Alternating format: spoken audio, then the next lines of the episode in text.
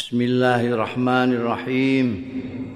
Qala al-muallif rahimahullah wa naba'ana bi wa bi ulumihi fid dharain amin. Zikru Ukasha tabni Mihsan Al-Asadi Ukasha ya ana sing maca Akasha bin Mihsan. Oh. Usiba fi ahdi Abi Bakrin radhiyallahu anhu. Ini wafat untuk musibah pada zaman pemerintahannya Abu Bakar Siddiq radhiyallahu anhu.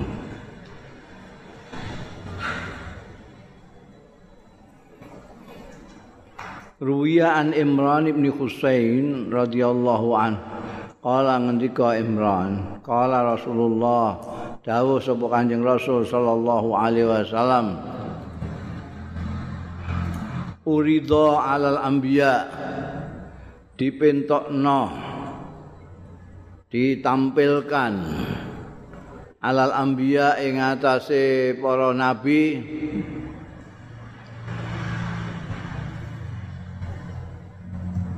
nanti di hari kiamat itu nabi-nabi seperti waktu ada perayaan anu itu di panggung kehormatan nabi-nabi lihat lalu ditampilkan umat-umatnya. An-nabi yaji'u laisa ma'u illa rajul. Ana nabi sing tampil yaji'u rawuh ya nabi laisa ora ana ma'u iku sartane nabi Ropo illal rajul kejaba wong lanang siji. Ada nabi pengikutnya cuma satu. nabi umatnya mau siji tok. Wa yaji'ul akharu lan rawuh sapa akharu nabi lainnya. Laisa kang ora ana mahu sartane akhar apa illa rajulani kejaba wong lanang loro. Nek nabi sing kaya parade ngene kene anu ini kaya perhelatan nanti kalau lomba-lomba olahraga itu nanti dari negara ini. Saya nunggu gendiro terus anggotanya piro dari negara ini tampil. Iki yang nabi-nabi yang mimpin tinggal gendiro nabi ana sing mok siji tok. Kontingene iku isine mok siji tok. Ana sing loro. Wayaji ulan rawuh sapa al akharu nabi liyane laisa kang ora ana iku ma'ahu sartane akhar apa illan nafarul yasir kejaba beberapa orang yang sedikit beberapa orang sidik jadi ya sekitar tidak sampai sepuluh lah.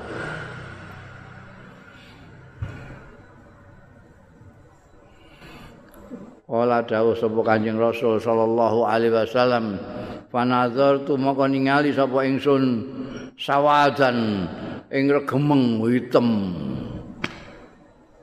Wah, itu banyak sekali itu sawadan itu. Banyak, saking akeh ngantek ketok apa? Peteng kaya hitam-hitam. Sawadan kasiron.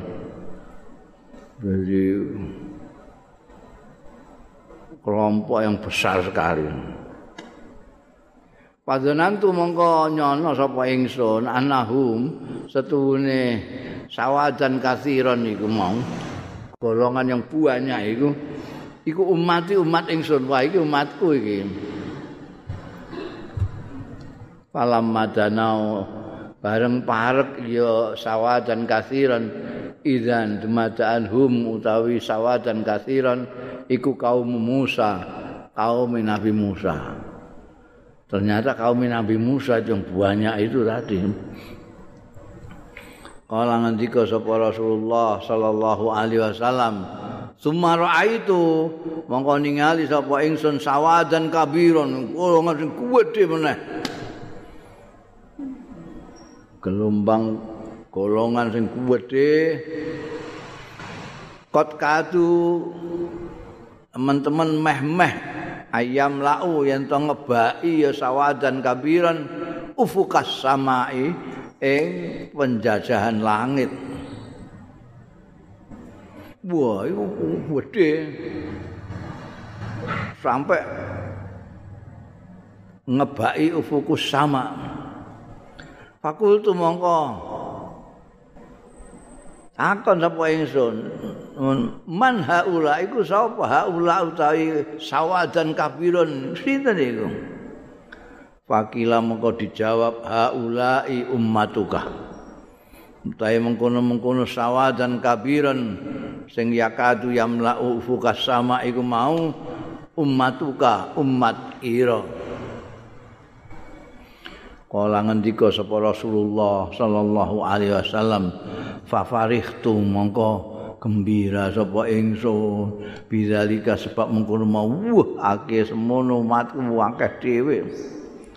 Wastabsyartu an nyicil bunga sapa ingsun. Ya Allah umatku engko semono akeh sumpang kila mongko keri-keri di ngendi akake limarang ingsun. Unzur. Iki dhek delok. Faizan aku barang tak delok. Faizan dumadaan bisa wadin kasirin aidon.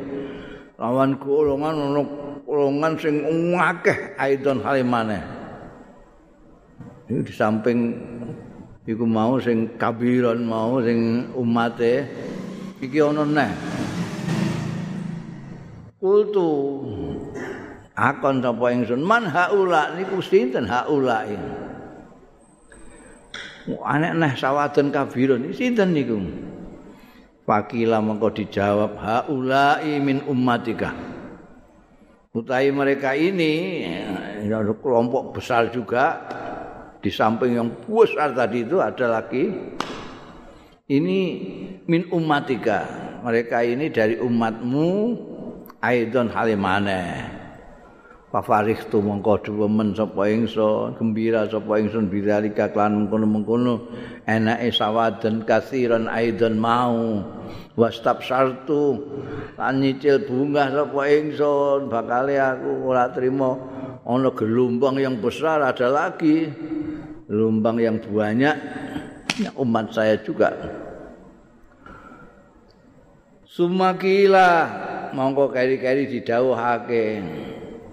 Ma'a haula sartane iki sawadun kathirun akaidon iki sabuna alfan utawi pitung puluh pane ewu ne pitung puluh ewu min umatika saking umat di antara orang banyak ini iku mau secara keseluruhan umatnya Nabi Muhammad yang yamlau fukas sama mau bisa ono kelompok lain besar yang dikatakan itu umatmu juga. Di antara mereka itu ada 70 ribu. Min ummatika sanging umat ira yadkhuluna sing bakal melbu ya sabuna alfan aljannata ing swarga bi ghairi hisab eh, tanpa ngisap alaihim ing atase sabuna alfan wala azabun lan ora siksa. Jadi ada 70 ribu di antara sekian banyaknya itu yang masuk surga bi hisab dan tanpa azab tanpa hisab belas langsung belendeng 70 ribu Allah ndelok 70 ribu itu enggak tekan kene ya. Eh kan kene kan wis miliatan 30 iku. Anggo sekapat-sekapat tok ngono wis. Kala summa dakhala kala monggo dawuh. Sapa Imran bin Husain summa dakhala Nabi monggo kari-kari mlebet sapa Nabi Kanjeng Nabi sallallahu alaihi wasallam Faqala mongko dawuh sapa Kanjeng Nabi sallallahu alaihi wasallam li ashabihi marang sekabat-sekabate Kanjeng Nabi. Man haula isabuna al Oh ya. iku sapa haula isabun tai mengkono-mono 70 apane ana alipe buka alfin ka ono sabuna alfin ngono eh ora alfan eh Piye? Lah iya Alvin berarti kok gak pada mau iku. Piye carane? Hah? Dik mau kan ma'aha ulai sabuna alfan. Iku cara aturan pancen ngono 70 apane alfan. Iki ulai sabun alfin iku apa?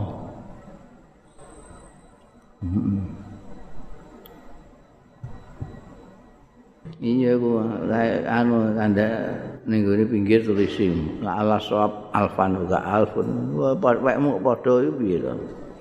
Kaya dhuwur mau mahaulai sabuna alfan.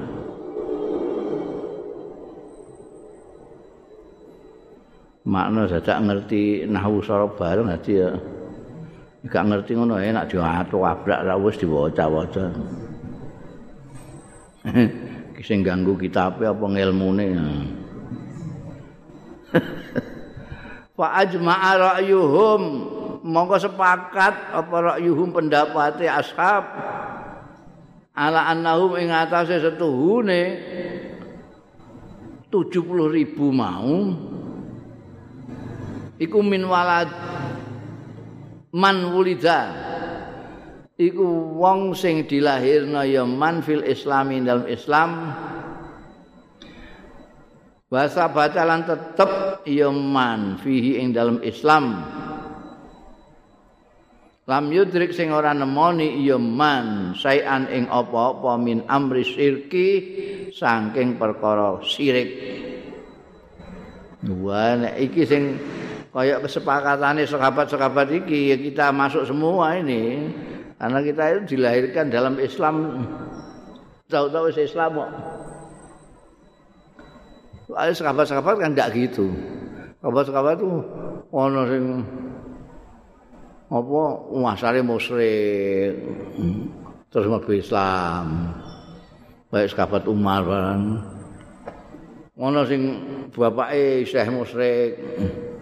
Di Islam kaya Ikrimah, Khalid bin Walid, Amr Mas.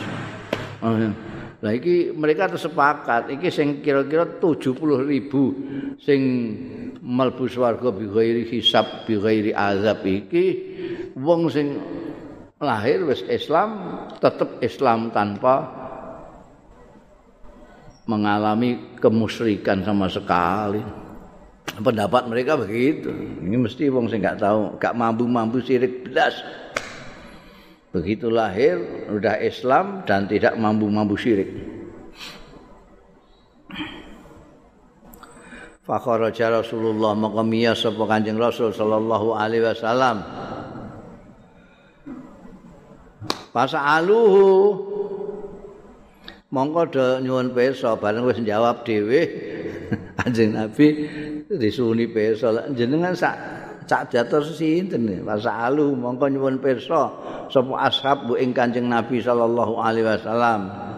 Faqala mongko dawuh sapa Rasulullah sallallahu alaihi wasallam, hum utai 70.000 iku mau sing yadkhulunal jannah bi ghairi hisab wala azab mau iku alladzina la yatatayyarun. Wong-wong sing ora padha tatayur, tatayur iku mbiyen wong Arab itu eh kaya ning kene ana dukun sing nganggo manuk itu. Ya tatayur iku saka tair itu. Dadi nek ameh lunga apa ameh dagang ameh apa iku manuk diculno cul ngulon semarang ngulon Dul, tak ngulan. Nek ana apa-apa iki ana cuit-cuit ana mati iki ngono bangsane. Pokoke manuk dienggo ngeramal nasib, ngeramal anu segala macam itu tatayur itu. Nek kok inna tatayarna ma'akum iku ning gone surat Yasin. Niku kan tatayur ngono. Mereka ini orang yang tidak pernah tatayur sama sekali. Wong Arab kadang-kadang wis wis anu kayak kayak kita juga lah. Kita itu nggak bisa Islam apa Islam bisa mukmin tapi sih percaya bangsa klenek-klenek ngono iku. Heh, tatayur itu ya. Ini yang masuk surga 70 ribu bi ghairi hisab ini layak tatayur. Dia tidak pernah tatayur menggunakan ramalan manuk bareng balaya starikun. Walayak tahun astarikun iku ah sing saiki di ramekno ning TV-TV iku eh nambani wong nganggo ngono bareng eh apa iku jenenge? Ruqyah ruqyah iku iku istirqaq eh Wah, sak gawe ngono. Bala yak tahun. Lan ora yak tahun, yak tahun itu iku mbiyen jaman jahiliyah ngobati wong di, wong lara iku dikejutkan dengan itu diobongno wesi mengangah terus casno cas iku. Iku ning kene gak ono. Iku nek ning kene ya ora usah ngobong wesi ya setrikan iku wae wis. Wis wis panas banter casno cas ngono iku ora tau ngono. Wa ala rabbihim lan ing atase pangerane alladzina yatawakkalun. Iki wis cara pengobatane cara eh mengupayakan eh, kehidupannya itu sudah tidak benar. Ini secara akidah juga mempengaruhi juga. Nek wong loro terus ning dokter ahli memang ahli obat, ahli kedokteran terus tawakal karo Gusti Allah ora jagakno ning gone suntikan ora jagakno ning obat. Itu yang baik. Kowe nambakno ning gone dokter ae nek ora tawakal gak masuk nih. iki malah ora dokter apa? Eh ora dokter apa? Mau ndelok ning TV ngono ae. Azibil bahasa mari sakal. Ngono yo akeh sing melok Indonesia iki piye. Ngono janji aneh-aneh wong edan barang kok akeh sing melok wong zaman saiki. Tatayur ya ngono, wis ora tawakal karo Gusti Allah. Mesti ini ora tatayur, ndonga. Ndonga nek duwe apa-apa ya ndonga. Ya ghani ya hamid ikfina bi halalika an haramika bi taatika an maksiatika fadlika amman siwa tawakal terus ya Allah. Diparingi sing halal-halal. Eh utang-utang kebayar kabeh. Ora sing nganggo tatayur mara ning gone dukun njaluk nomor ya Allah Jadi iki wis caranya sudah keliru, isih gak tawakal, ra iso masuk. Mulane yang masuk adalah humul ladzina la yatatayyarun wa la yastarikun wa la yaqtaun wa hum ala rabbihim yatawakkalun. Nah, sini tawakal mek Gusti Allah. Nah, tawakal itu yaitu tadi upaya yang benar, upaya usaha yang benar diserahna. Tawakal tok ya gak bener, tawakal dalam pengertian kabeh mbok pasane Gusti Allah. Hah? Gambarane sing didhawuhna Kanjeng Nabi itu kowe numpak sepeda duwe sepeda motor mbok kunci tawakal kunci kunci sik terus kowe tawakal Allah ora kok ora mbok kunci blas tawakal. Yes. janji wayahi ora ilang lah ora ilang. Nek ilang lah ilang. Ngono. Tawakal ngono iku. Eh? Gak oleh. Ngono iku kurang ajar senenge Gusti Allah mbok anggap penitipan sepeda motor.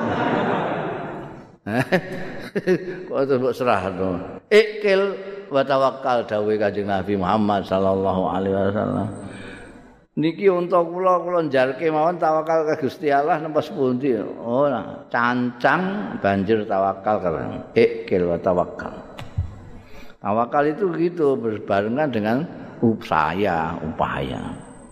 Kayak donga barang ngono iku. Donga kowe donga tok. Heh, donga njaluk bojo. ya ngantek tuwek jomblo terus kowe. Donga gak donga tok ya usaha. Ngono ya, donga iku menurut Allah yarham ke bisri itu apa itu donga iku ibarate kaya gemuk.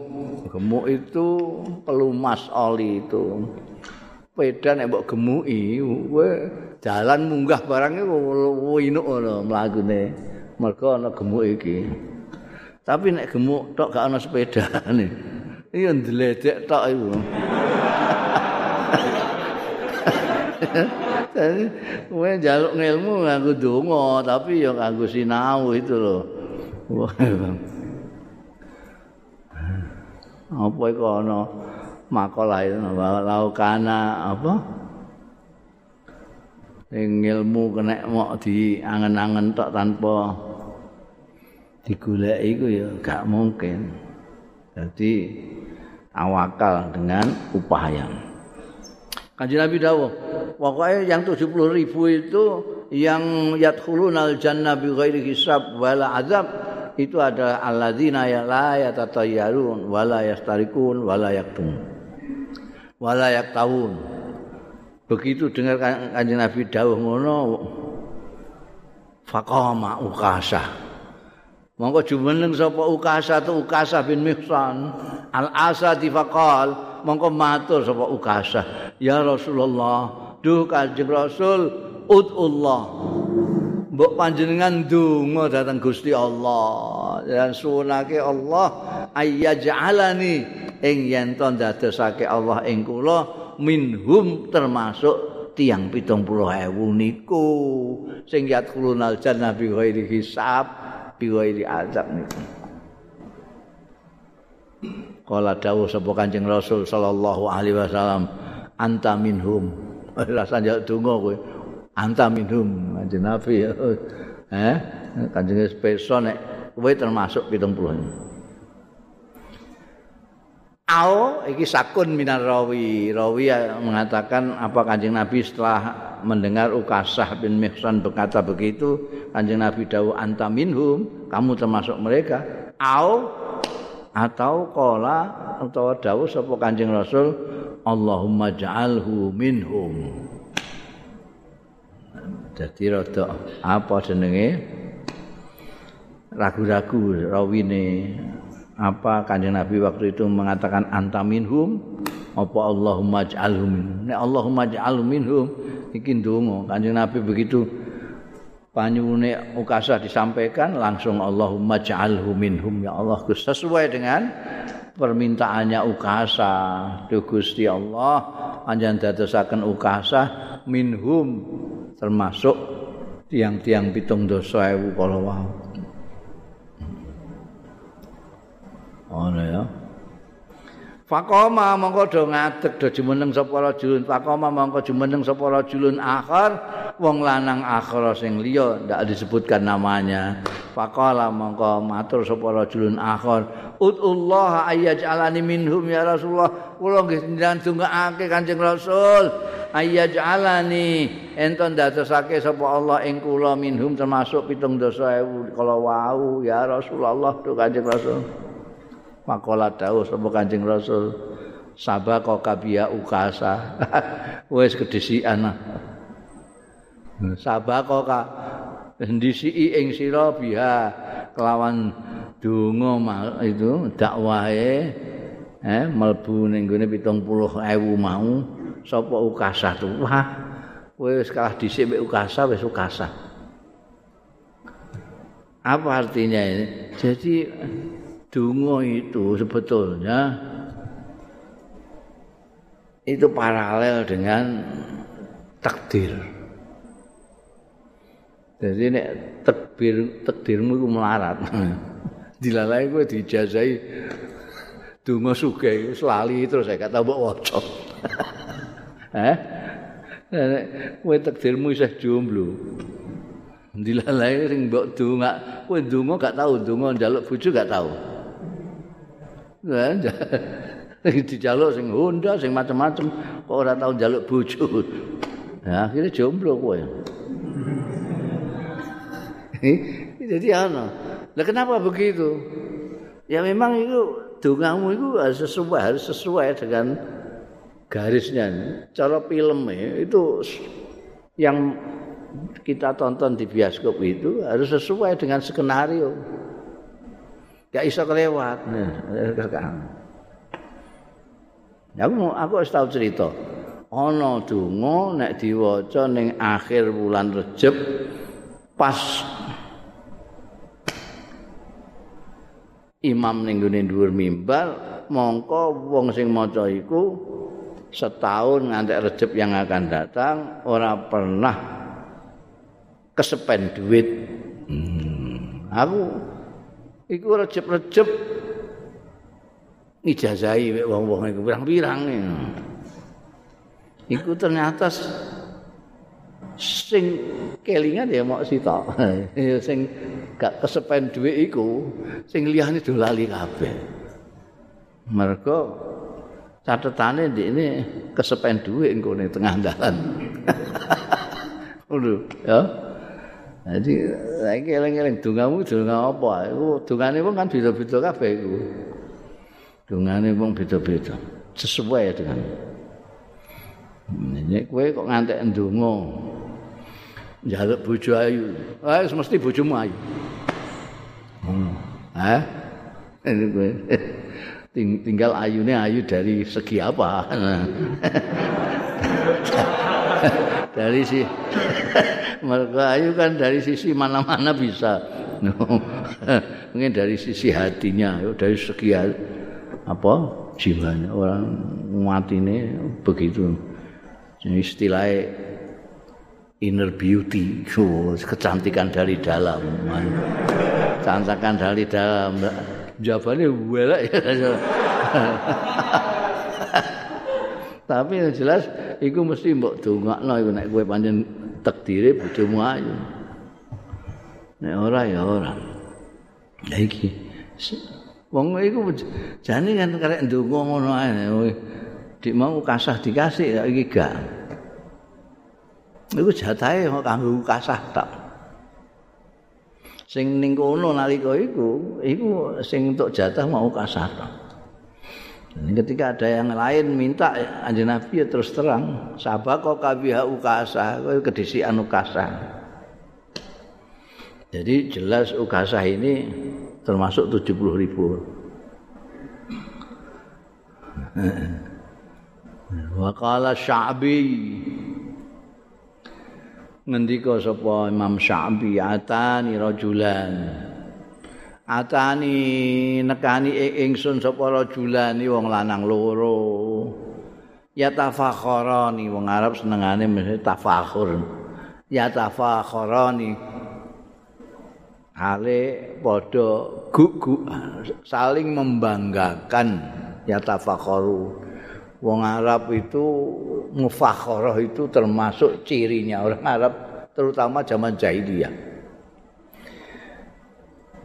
Ukaz tempat mereka ketemu setahun pisan pada musim haji itu itu untuk guguan mufakharah itu segala macam mufakharah jaran Dadi kok kabilah kene nggawa juaran apik ya jajal ana sing duwe jalan kaya iku iki, Pak. Iki jalan ning ngene sukuku ini paling top. Mbok ana sing banding yo kalah mbek iki. Cewek yang ngono. Wah, iki aku wabilahan wae dicuwek wanyune kan. Kowe duwe pokok. Mufakhara. Ana sing banggakno puisi, eh, banggakno segala macam karya di, iku ning gone ukas mufakhara. Tradisi budayane wong Arab biyen.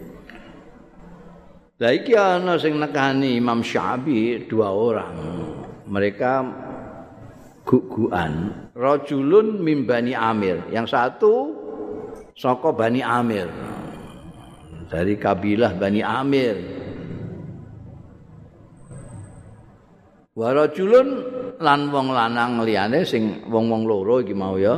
Sijine saka Bani Amir, wa rajulun mim Bani Asad. Yang satu saka Bani Asad.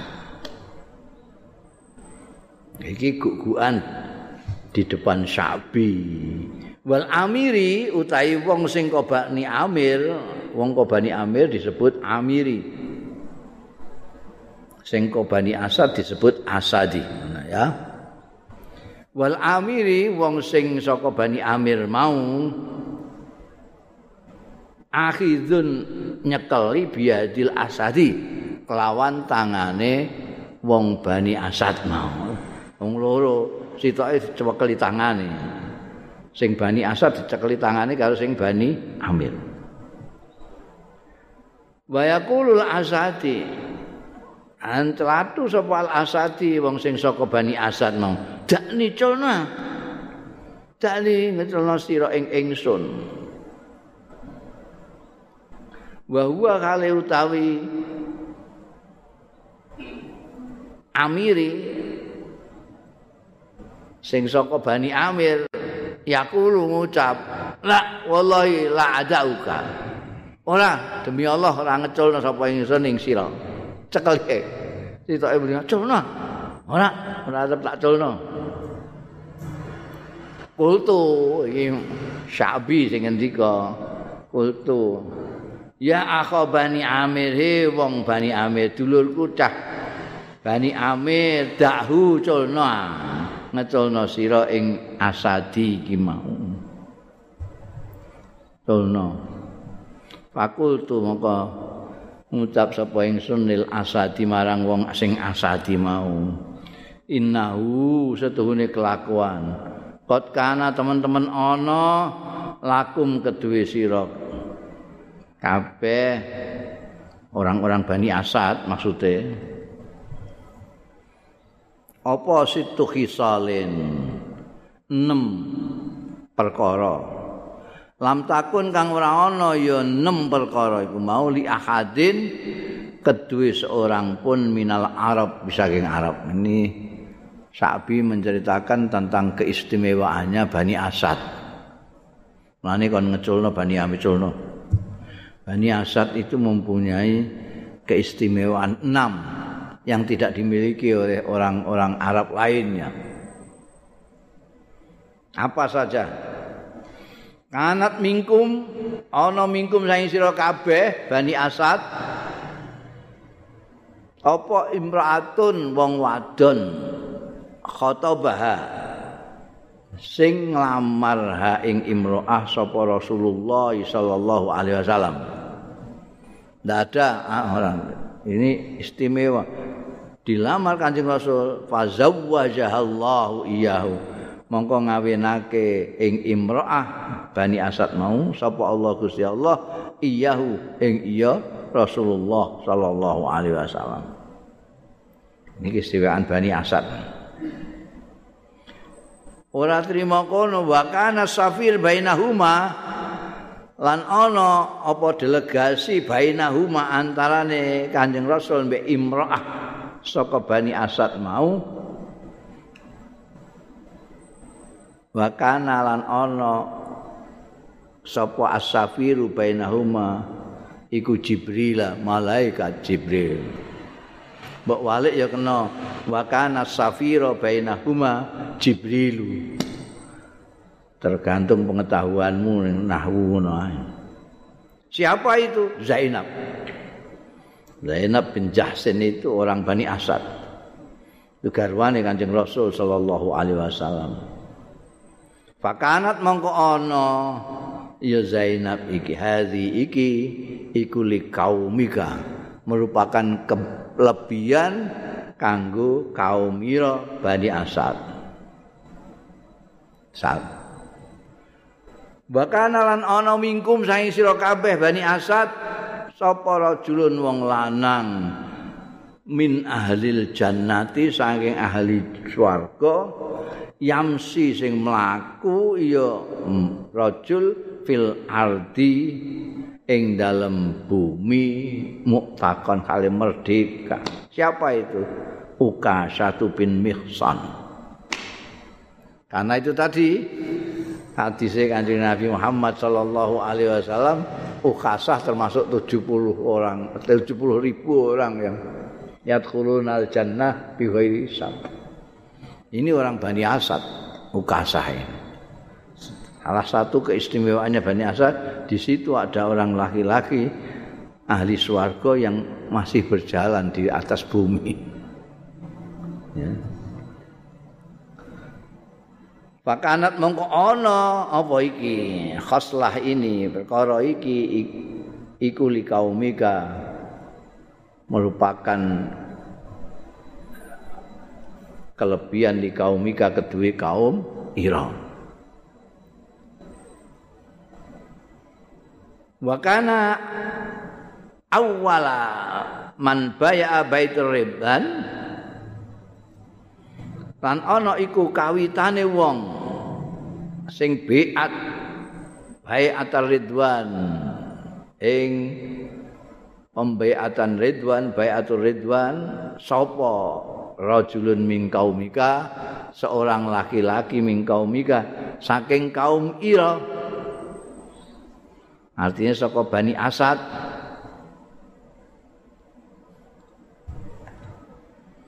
nalika iku atan nabi rawuh sapa kanjeng nabi sallallahu alaihi wasallam.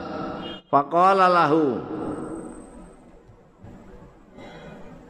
mongko.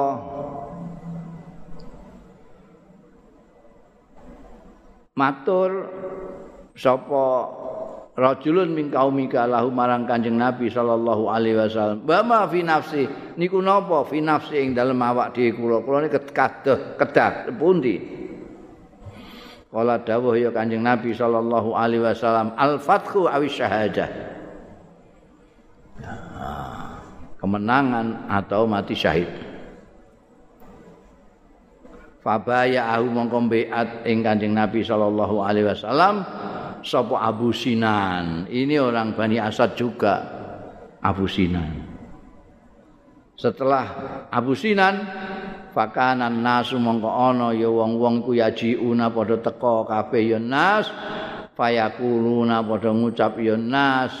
Nubayiu biat kita ala baiati abisinan ing atase baiate abisinan. Ini beberapa perkara yang merupakan kelebihannya Bani Asad. Mulane nalika dicekeli karo Bani Amir Bani Asyabi ngatan culnah culnah. Gak ngerti kowe. Keistimewaane Bani Asad. ya, termasuk di antaranya adalah keistimewaannya Bani Asad punya yang namanya Ukasha itu. Nah, orang yang jalan di bumi tapi orang sudah tahu semua itu halus jannah. Bunda zikru Ikrimah bin Abi Jahlin. Nutur Ikrimah bin Abi Jahlin radhiyallahu anhu. Ikrimah ini sama dengan bapaknya. Bencinya ambil kancing Nabi Muhammad sallallahu alaihi wasallam. Ini perang Badar itu sing ngenteki orang-orang Islam itu yang gugur di Badar itu Ikrimah ini, yang buahnya. Sing sing ngotok sikile Abu Jahal pateni mbek dene bapake mungkin Dadi sing ngerti sapa nalika iku koyo ngono. Wong sing nginting-nginting wae Ikrimah iku. Ning perang Badar, ning perang Uhud itu peranannya Ikrimah itu luar biasa. Guring-guri kok. Jadi radhiyallahu anhu ya. Qala ahli tarikh ngendika sapa ahli sejarah? Farra Ikrimah bin Abi Jahlin. Melayu sapa Ikrimah bin Abi Jahlin yauma fathi Makkah. Ana ing dinane fathu Makkah ilal Yaman. Waduh banget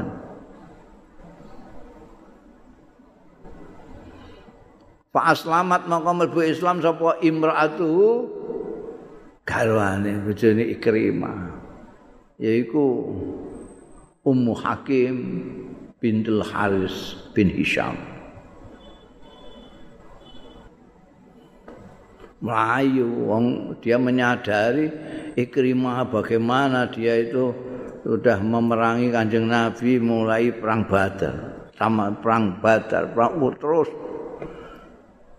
itu melok merangi kanjeng Nabi dan tidak hanya merang-merang itu mata ini orang Islam banyak juga. Maka ketika Kanjeng Nabi dengan pasukannya dari Madinah menaklukkan Mekah, maka wabeh ora menghadap Kanjeng Nabi mlebu Islam kaya Abu Sufyan CS. Ya apa jenenge melbu njaluk perlindungan Abu Sufyan apa. Tapi ada orang yang sudah dinyatakan kanjeng Nabi, kabeh di Ngapura sampai kanjeng Nabi kecuali empat orang. Oh. Ada orang-orang yang tidak. Ini kudu pada ini, ini nemen banget. Dan itu satu di antaranya Ikrimah. Oh, nemen banget. Lah, Melayu. Melayu tidak tanggung-tanggung ke Yaman. Bayang lagi Mekah Yaman itu.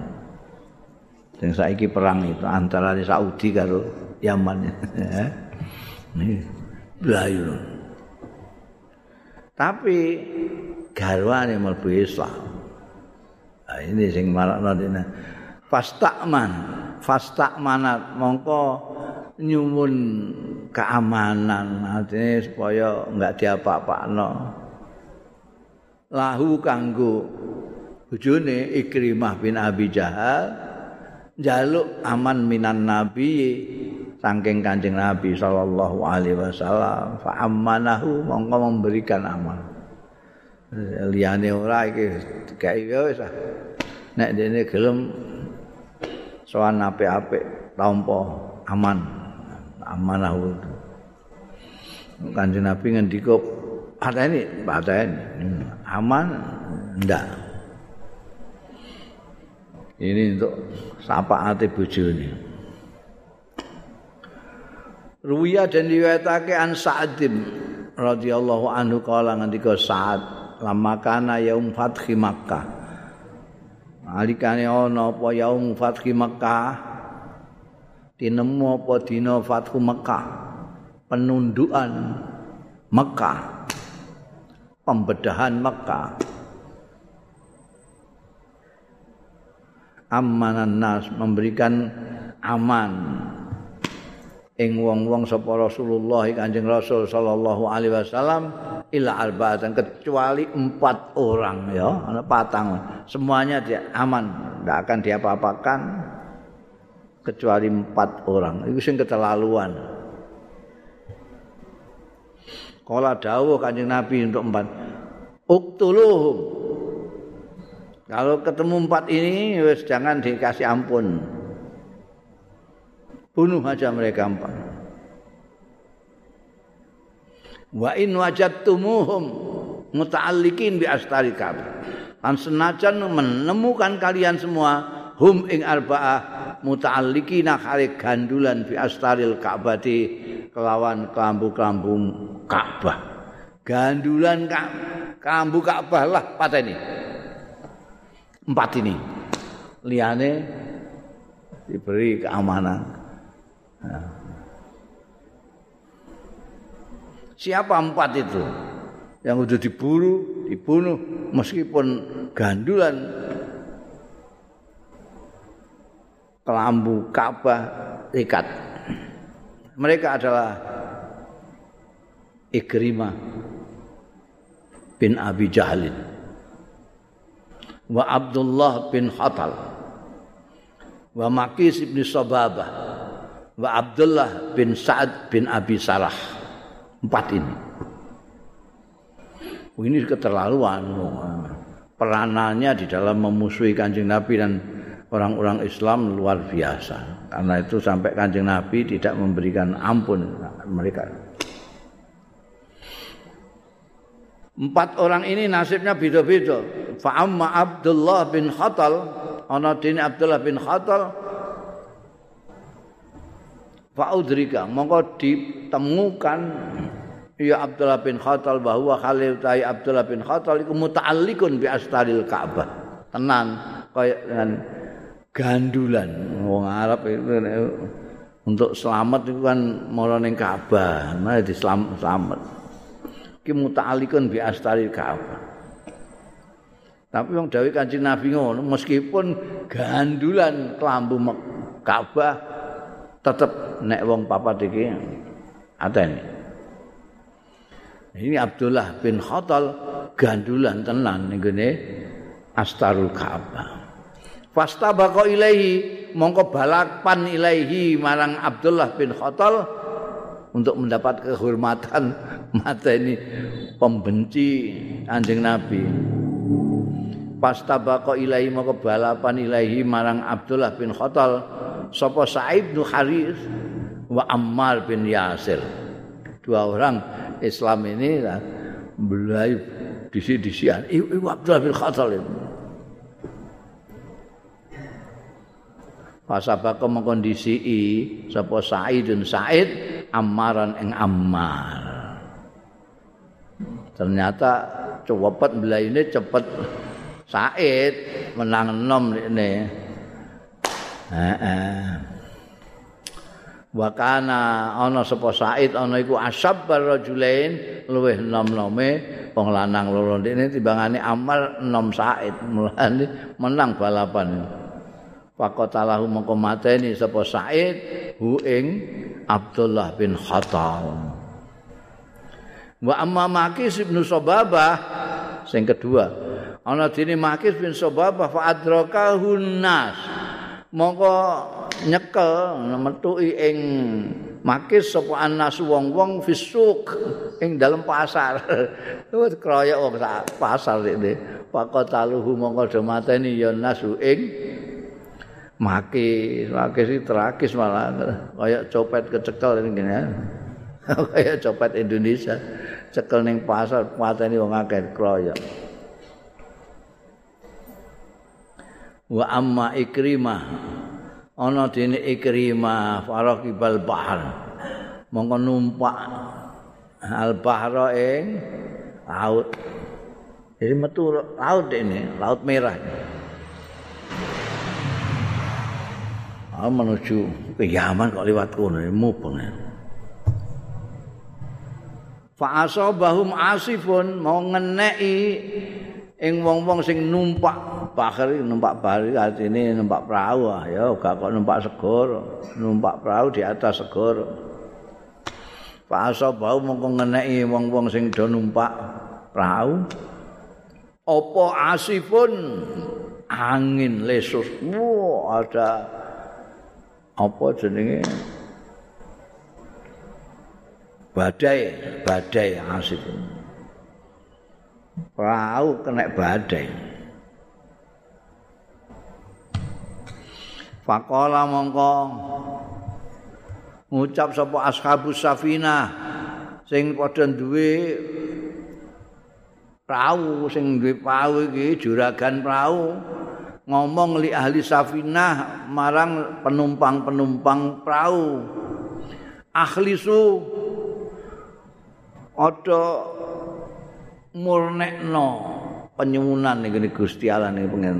Akhlisu ning gone pangeran. Pangerane ku mbuh apa pokoke pangeran fa inna aliha. Kudu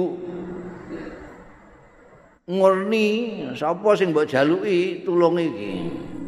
Aja aja pirang-pirang pirang-pirang kok bingung kok Fa inna alihatakum mongko sune sesembahan-sesembahan ira kabeh la tuhni ora iso maedai angkum saking sira kabeh saen ing apa-apa. Jadi kalau ning Gusti Allah. Orang-orang Mekah itu sebetulnya kan nyembah Brahola itu. Nyembah Brahola itu mereka kebanyakan mengatakan bahwa Brahola itu cuma apa namanya tempat sarana untuk mencapai ke Allah. Mereka itu tahu Gusti Allah. Wong ana sing jenenge Abdullah barang kok. Ramane Kanjeng Nabi kan Abdullah, itu durungono Islam. Wong saiki ae sing rumangsane Allah iku wae ndikne, wong liya gak oleh muni Allah. Pamer geblek ngono. Iku sanek biyen jenenge Abdullah iku sakeh. Ora, percaya mbek Allah iku percaya. Tapi tapi ya kuwi terus dikaitno ambek lata, ambek uza, ambek manat iku kon nyampekno ning Gusti Allah ngono. Njaluke tapi ning manat iku. Iku kan akeh agama sing ngono iku. Lah iki juragan perahu iki ora percuma nek kowe ning sesembahan-sesembahan iki langsung murni saja kepada Allah.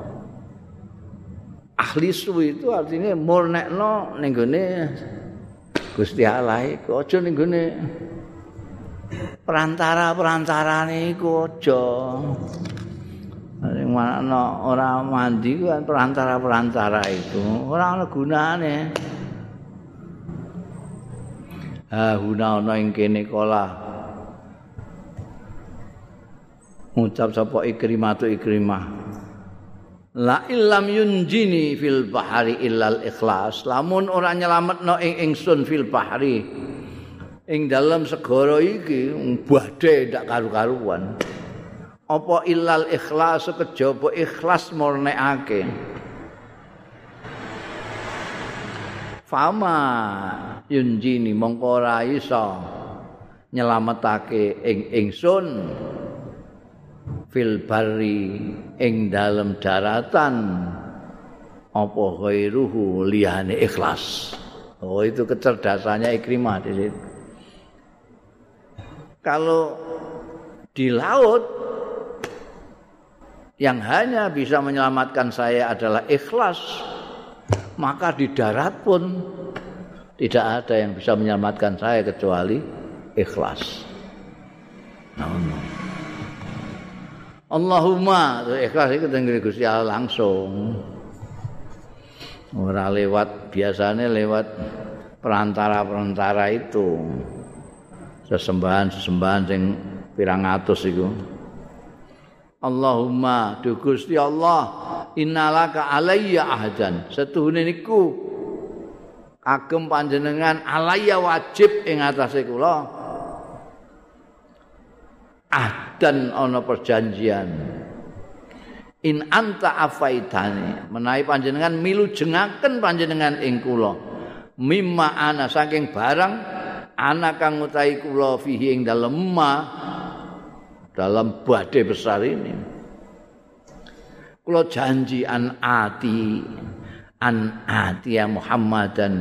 Yen to sowan kula Muhammadan ing Muhammad hatta ada sehingga nyelehake kula yadi ing tangan kula fi yadaihi. Yadaya ing tangan kalih kula fi yadai ing dalam asta kali Kanjeng Nabi Muhammad.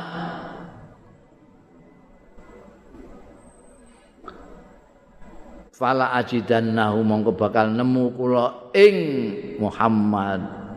Kula temu afwan kariman ing pemaafan ingkang murah.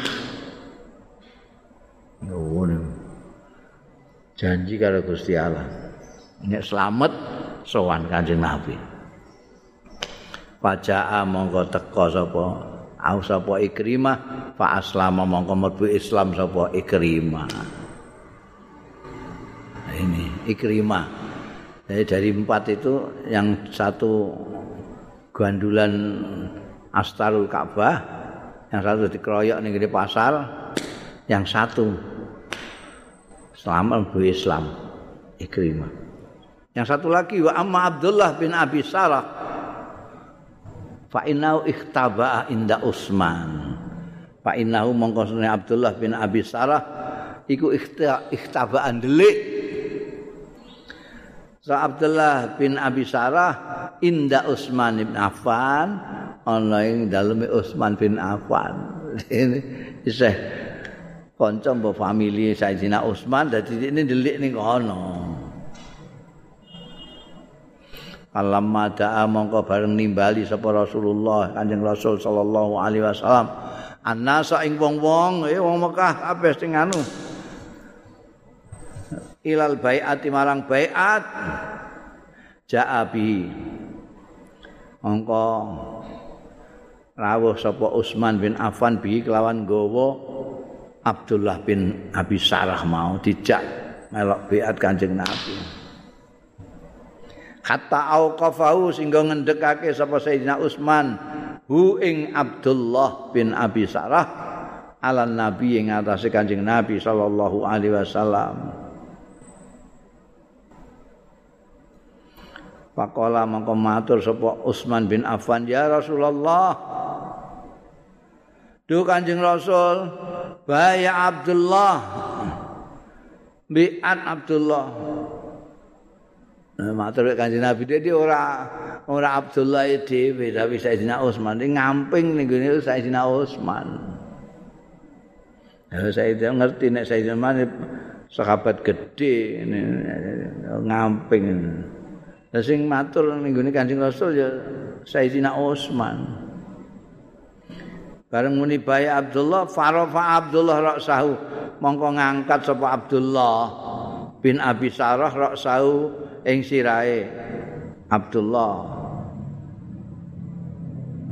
Panadzara mongko mirsani sapa Kanjeng Rasul sallallahu alaihi wasallam ilaihi. Utawa ningali sapa Abdullah ilahi marang Kanjeng Nabi salasan ambal kaping telu Bahaya Abdullah ndangak ngingeti Kanjeng Nabi Kullu zalika sekabehane mengkono-mengkono tiga kali melihat Kanjeng Nabi Ya'bah.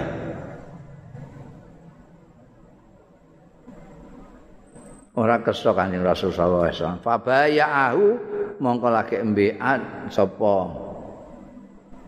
Kanjeng Rasul hu ing Abdullah bin Abi Sarah terus e salas, eh? Hah? Piye? Ba'da salasin ngandani kok. Aku krasa nek ora pas iku. Tambahi ba'da salasin. Mergo ora enak macane ora enak. Aku gak ngerti bete tapi ning gone angkem gak enak ning kuping ra enak. Apa ya aku kok salasun. Fabayahu ba'da salasin. Setelah tiga kali ndangak-ndangak nyawa kanjeng Nabi, pakai kanjeng Nabi kerso. Ya. Suma akbala moko keri-keri madem. Sapa Kanjeng Rasul sallallahu alaihi wasallam ala ashabi ing atase sekabat-sekabat Kanjeng Rasul. Faqala mengko dawuh sapa Kanjeng Nabi. Amma kana fikum rajulun rasyid. Ana ta ora ana? fikum ing dalam sira kabeh rajulun wong lanang rasidun sing cerdas yakumu ila hadza sing jumeneng ila hadza marang iki maksude Abdullah bin Abi Sarah khaitsu ra'ani kafaftu ya sekirane ningali ya rajul ing ingsun kafaftu ngeker sapa ingsun yadi ing tangan ingsun an baiati saing baiat Abdullah bin Sarah. Payak tulah mongko mateni sapa rajul rasid hu ing Abdullah. Aku wis kei syarat. Aku bolak-balik telu ndekne ngejak salaman ngingeti aku gak tanganku gak tak tungno. Sini kudu anak sing cerdas terus mateni ndekne wong wis tak kandakno wong papat iku ketemu ning diae ngantek gandulan anu pateni iki wis mara ping telu. Aku gak nulungno tanganku kok kowe kok gak sing ngerti blas gak sing cerdas. Mesti ini kudu sing cerdas terus oh wayang kong ngono sini Ini kanjeng Nabi ya ambekan anu ya sungkan ambekan sapa? Utsman bin Affan mantune. Jadi kalau ada sekabat-sekabat fakalu mongko pada matur ya ashabu. Wa ma yudrina sai napa niku yudrina? Sing meruhake ya maingku kita sedaya. Ngertos saking pundi? Tos sinten? Wa ma yudrina iku tos niki ngertos kita saking pundi kanjeng Nabi? Oh ngoten ya Rasulullah napa ngertos? Ma ma yudrina utawi napa iku? Yudrina sing ngertosake ing kita ya Rasulullah. Ngertosake ma ing barang finafsika kang wonten ing awak panjenengan ing jiwa panjenengan. Jenengan mboten ngendika sing ngertos sinten? Bukan ngomong piye wong arep be atau wong kon mateni? Ya gak. Ya wis kowe ngateni dhewe ngono lah mboten ngertos Hala au mata. Jenengan jane ngei syarat panjenengan. Bi ainika kelawan netra panjenengan. Jane jenengan kedep ngoten mawon paham? Lah mboten kedep mboten napa jenengan namung mboten kersa ningali mboten kersa salaman ngotok ngoten sing ngertos sinten. Coba jenengan isyarat kali netra jenengan sikat men. Kala dawuh sapa Kanjeng Rasul sallallahu alaihi wasallam, inna ustune kelakuan ya tak kandhani layam bagi ora prayoga li nabiyin kedue seorang nabi apa antakuna yen ta ana? Lahu kedue nabi apa? Khainatul ayun. Kianate pira-pira mitra dadi nglirak-nglirik ngei syarat nganggo mripat bareng gak kon gak kena nabi itu. Kudu cetha. Jeneng nabi itu mubayyin jadi jelas. Gak po gak oleh.